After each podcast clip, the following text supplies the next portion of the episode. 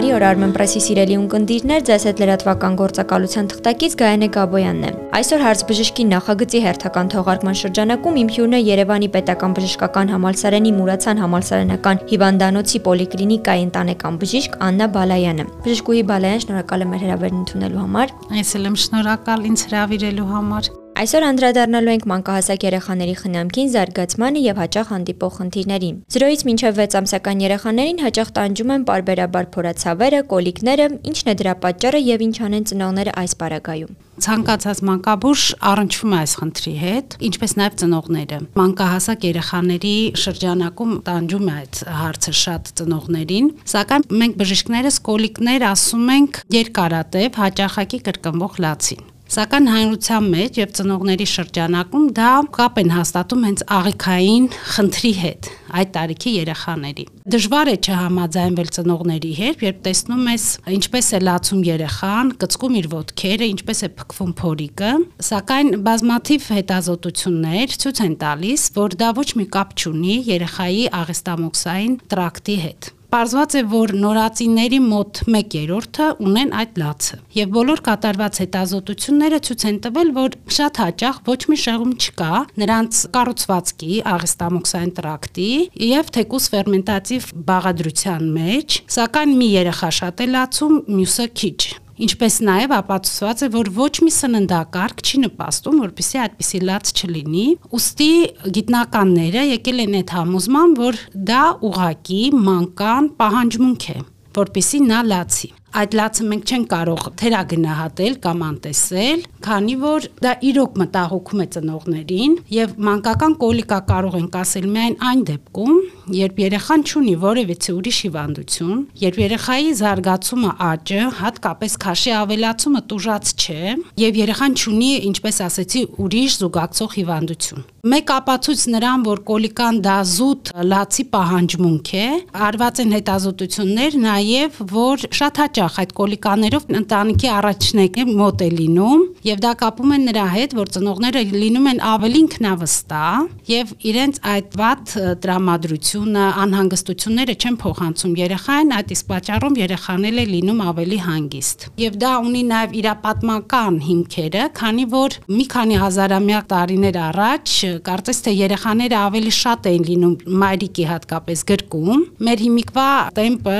մայրիկները ավելի զբաղված են լինում, երեխաներին ավելի քիչ են գրկում եւ շատացել է այդ լացի, կոլիկայի այդ դրսևորումները։ Եվ միգուցե այդ լացով երեխան ուզում է ուղակի ուրիշ պահանջմունք բավարարել, որpիսի նրան գրկեն։ Նաեւ այդ փքված փորիկը, երբ որ մենք տեսնում ենք եւ ասում ենք, որ օ երեխան ունի գազիկներ եւ այլն, դա ամիջականորեն նաեւ կարող է կապված լինել այն փաստի հետ, որ երեխան հենց այդ լացի ժամանակ շատ օդ է կուլ տալիս, ունենում է աերոֆագիա, այդ իսկ պատճառով փքվում է նրա որովայնը։ Այսինքն կոլիկան դա լաց է, այլ ոչ փորացավ, եւ մենք կոլիկա կարող ենք ասել միայն, եթե նա սկսվում է կյանքի առաջի ամսում, ինտենսիվությունը ավելանում է 4 եւ 6 շաբաթականում եւ սպոնտան ինքնաբուխ վերանում են մոտ 6 ամսական հասակում։ Եվ այդ երեխաները ոչ մի խնդիր չունեն զարգացման, աճի եւ քաշի ավելցման հետ կապված։ Իսկ այս շրջանում հաճախակի հանդիպող փորացավերի եւ գազիկների դեպքում ինչ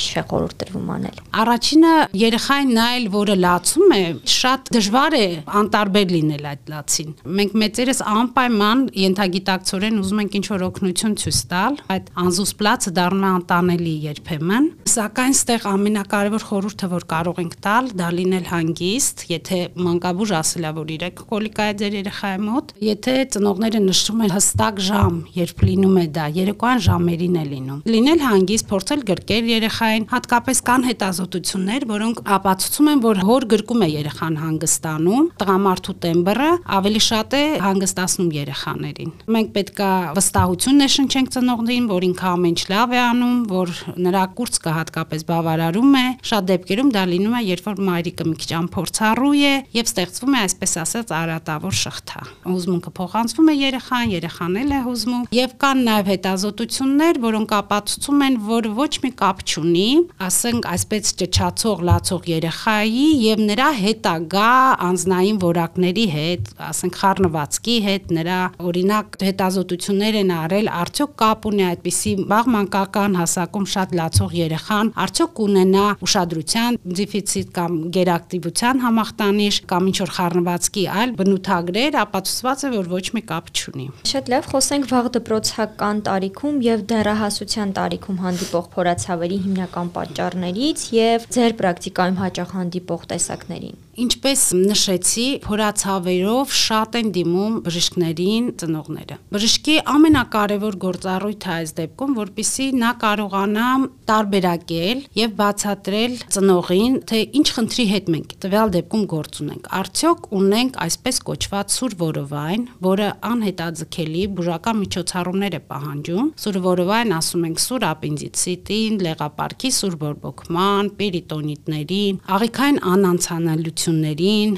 որոնք կյանքին սպառնացող հիվանդություններ են։ Շատ կարևոր է, որպեսի բժիշկը ճիշտ կողմնորոշվի։ Ինչ փորացավի հետ մենք գործ ունենք։ Մենք ունենք այսպիսի կոչված գրգռված աղու համախտանիշ, դա փորացավեր են, սակայն մենք այստեղ ունենում ենք նաև դեֆեկացիա խանգարումներ կամ հաջախացած պետքա լինի կղազատումը, կամ էլ նրա որակը փոխված պետք է լինի։ Սա ապացուցված է, որ նեյրոմեդիատորների հետ առաջացված խնդիր է, որը կարող է ավելի վիճակը ծանրացնել վատ սննդակարգը եւ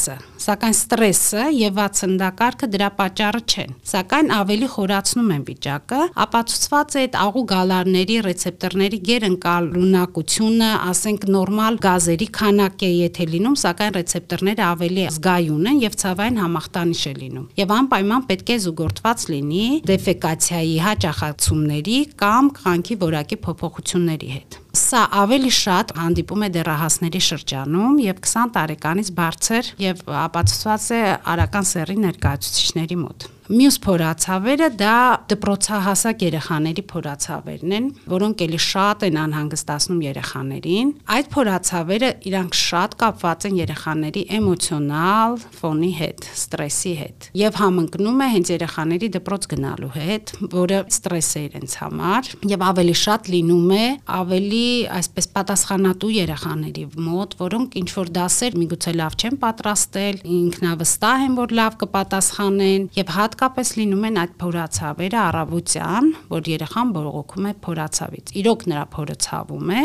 սակայն այստեղ ոչ մի էլի օրգանական հիմք չկա։ Մենք չունենք այստեղ բորբոքում, մենք չունենք սնդակարգի խախտման հետ առաջացած ցավեր կամ որևիցե օրգանական պատճառ։ Իրոք երեխայի փորը ցավում է, բայց այս ցավերը հիմնականում ֆունկցիոնալ են լինում։ Եվ այստեղ նյարդային համակարգի մի քիչ հանգստացնելը կամ լավ մտնոլորտ ստեղծելը տանը եւ դասարանում շատ օգնում է, որպեսզի այդ ցավերը նահանջեն։ Շնորհակալ եմ հետաքրքիր զրույցի համար։ Ես էլ եմ շնորհակալ։